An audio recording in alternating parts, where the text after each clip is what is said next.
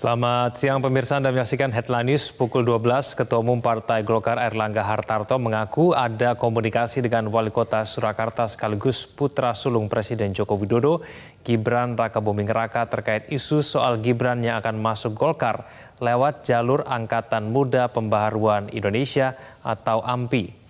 Sebelumnya beredar isu yang mengaitkan Gibran Raka Buming Raka yang akan menjadi bakal calon Presiden Prabowo Subianto dengan jalur pindah partai ke salah satu koalisi Indonesia Maju yaitu Partai Golkar.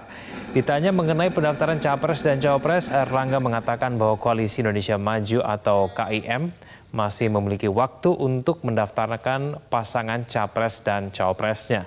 Maka dari itu dalam penentuan Cawapres untuk Prabowo Subianto tidak ada masalah jika diumumkan last minute. Tampak Erlangga didampingi Sekjen Partai Golkar Lodewijk Paulus beserta jajaran DPP berziarah di makam para pahlawan dalam rangkaian agenda HUT Partai Golkar yang ke-59 tahun.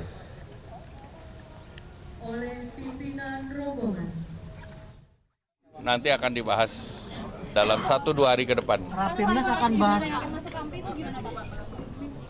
Kita lihat aja. Ya Pak ya, ada kabar itu masih dan akan bergabung.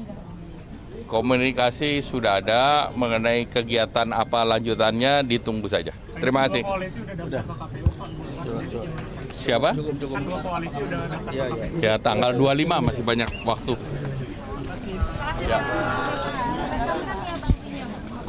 Jelajahi cara baru mendapatkan informasi. Download Metro TV Extend sekarang.